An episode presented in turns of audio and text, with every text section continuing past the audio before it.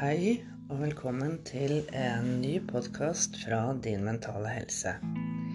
Jeg heter Siv, og jeg er utdannet psykiatrisk sykepleier, men også terapeut innenfor mindfulness kognitiv basert terapi. Jeg er også hypnotisør. Og jeg driver også med meditasjon og andre ting. Jeg har mange års erfaring innenfor norsk helsevesen som sykepleier. I dag så vil jeg snakke om et tema som er fryktelig vanskelig for veldig, veldig mange. Og det er et tema som handler om kropp. Den siste tiden så har jeg fulgt eh, en eh, ung jente på, som jeg fant eh, tilfeldigvis eh, på TikTok. Hun har også egen Instagram-konto. Og denne jenta, hun eh, sliter veldig med anoreksi. Og hun legger ut uh, mange uh, forskjellige så, korte filmsnutter hvor hun forteller om da hva som opptar henne i dagliglivet, og hennes kamp på veien da mot å bli friskere. Og jeg må si at uh, jeg beundrer absolutt det motet hennes i å stå fram med dette her, fordi det er en såpass skambelagt eh, diagnose. Det er veldig skambelagt eh, En veldig skambelagt eh, sykdom. Det er et skambelagt eh, problem. Og det er svært få som vil innrømme at man har et problem med mat.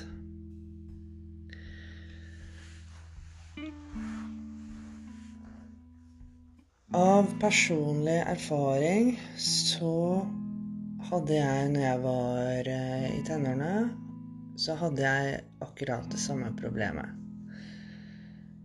Jeg eh, hadde et begynnende anorektisk eh, problem, hvor jeg da valgte å sulte meg selv i perioder og kontrollere da inntak, hvor mye jeg eh, spiste, og i forhold til hvor mye jeg forbrukte da energi. Så det var om å gjøre å forbruke mest mulig energi ved trening og innta minst mulig energi. Det sier seg selv at eh, dette er en kabal som eh, ikke går opp i opp.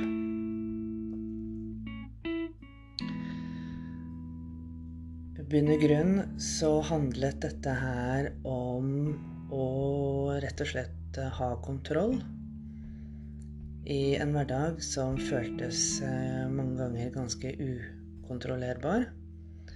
Det var ganske mange ting som eh, skjedde i eh, tenåringsfasen som var veldig vanskelig å ha med å gjøre. Det var mye oppbrudd med, med forskjellige venner ny skole, nye skolekamerater, nye lærere, litt nytt miljø. Og da fant jeg ut at det eneste måten jeg kunne på en måte kontrollere alle disse tingene på, det var rett og slett eh, gjennom mat. I kombinasjon med det at man fikk da tilsnakk om uh, utseende, og at uh, man kanskje burde gjøre noe med utseendet sitt. I dag når jeg tenker over det, så hvis jeg hadde hatt den erfaringen som det jeg har i dag, den gangen, så hadde jeg bare ledd av det og tenkt at det ikke Dette her er ikke noe jeg skal tenke på eller eh, ta hensyn til. Men i den alderen så er man, er man jo veldig opptatt av å bli likt av andre. Og da blir man, og hvis man får presentert ganske ofte at du må gjøre noe med utseendet ditt for at jeg skal like deg, så, og du ikke vet bedre, så er det klart at du har veldig lett for å falle i den fella. For å være litt eh, faglig, så er jo da spiseforstyrrelser de er delt grovt inn i tre forskjellige kategorier. Du har anoreksi, hvor du da kontrollerer uh, matinntaket ditt, som jeg fortalte om. Hvor du spiser minimalt, og du prøver å forbrenne mest mulig energi. Så det betyr at du etter hvert uh, går veldig, veldig raskt ned i vekt. Så har du den andre kategorien som eh, heter bulimi. Det er hvor du i perioder har veldig høyt matinntak. Eh, hvor du da får dårlig samvittighet for den maten du spiser, og du kaster det opp igjen. Eller du kvitter deg det med, på andre måter med, med andre laksative midler avføringstabletter osv. Så, har du den tredje kategorien, som dessverre ikke har fått så veldig mye fokus, men som egentlig burde få mer og mer fokus på seg. Og det kalles for eh, tvangsspising. Det er en eh, tilstand hvor du bruker mat for å døyve vonde følelser du har som du ikke klarer å takle på annen måte. Altså du det, Du gjør det vi kaller for å trøstespise. Eh, jeg vil si det at den siste kategorien med trøstespising, den er ganske utbredt. Og man ser jo det på tallene i form av, av eh, økt økende tendens med hjelp til slankeoperasjon. Jeg vil si at eh, den største kategorien som får hjelp til å utføre slankeoperasjon, de er i den tvangsspise-kategorien, hvor du da bruker mat for å regulere følelser.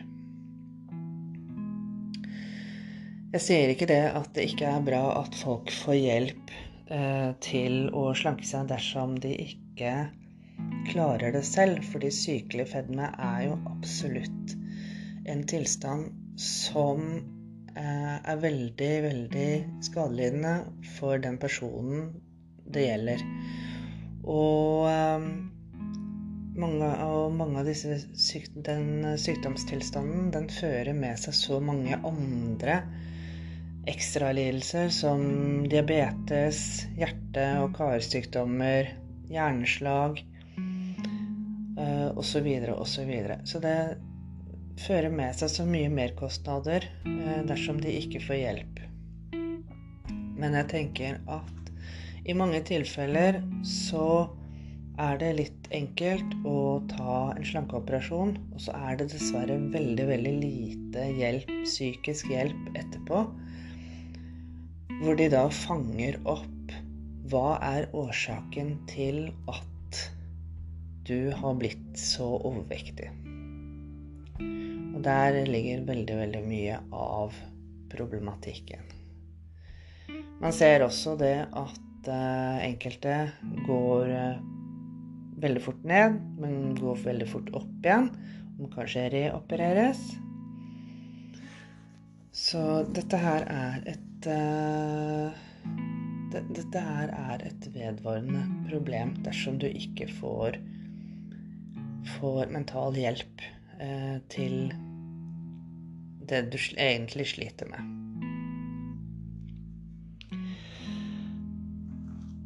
Um, jeg tenker i hvert fall det at eh, vi i helsevesenet, eller, eller kanskje bare så enkelt som vi som foreldre, er nødt til å følge ekstra godt med, fordi at det er så mange ganger vanskelig å fange opp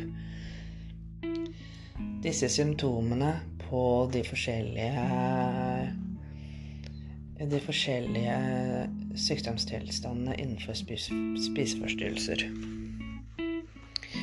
Men det er veldig, veldig enkelt enkle grep man kan gjøre, og det er bare så enkelt som å spørre barnet ditt hver dag hvordan det har det. Og som oftest så ser man jo at barna har det greit. Um,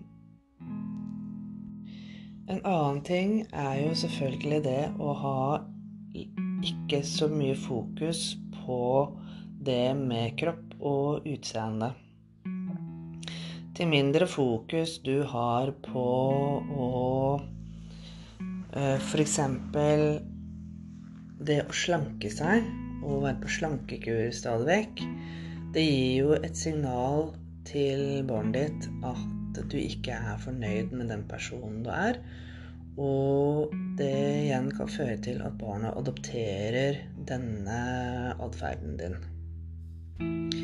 Så det er viktig egentlig for oss voksne å være bevisst på hva vi tenker og hva vi gjør i forhold til barn. Det gjelder ikke bare med i forhold til kropp, men det gjelder egentlig de aller fleste.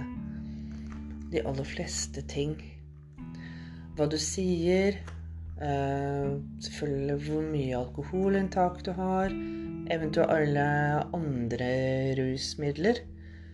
Det er uh, dessverre veldig, veldig utbredt uh, stort forbruk av medikamenter i Norge.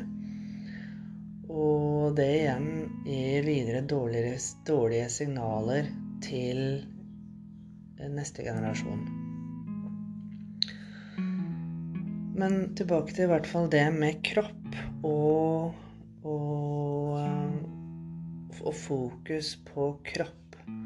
Og det viktigste jeg vil si, er at vi må tenke, prøve å tenke positivt om den kroppen som vi har.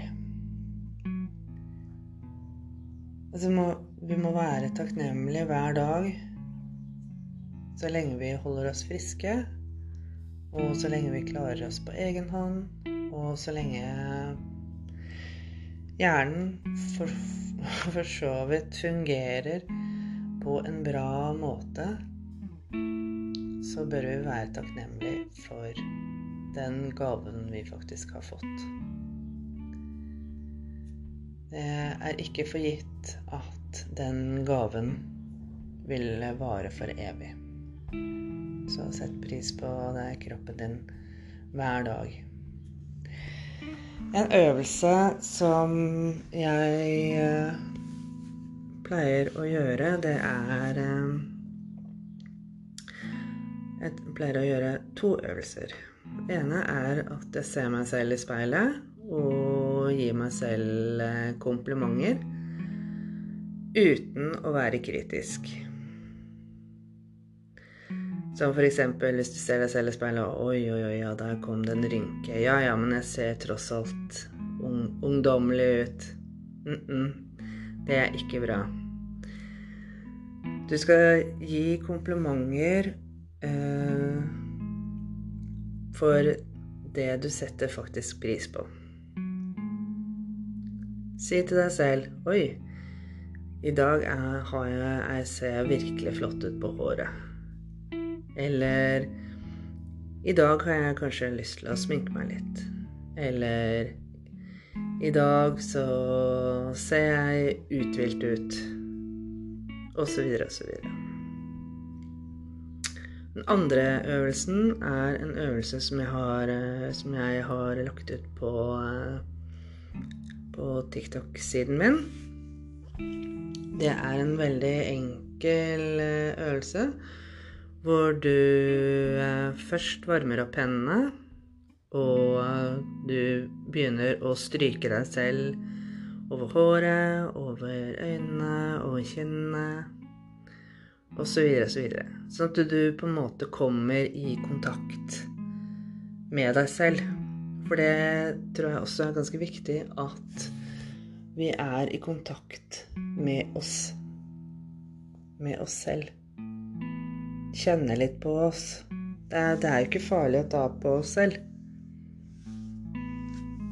Det er det ikke. Så med denne lille podkasten her vil jeg takke for at eh, du tok deg tid til å lytte til meg nok en gang. Og så høres vi igjen ved en annen anledning. Tusen takk.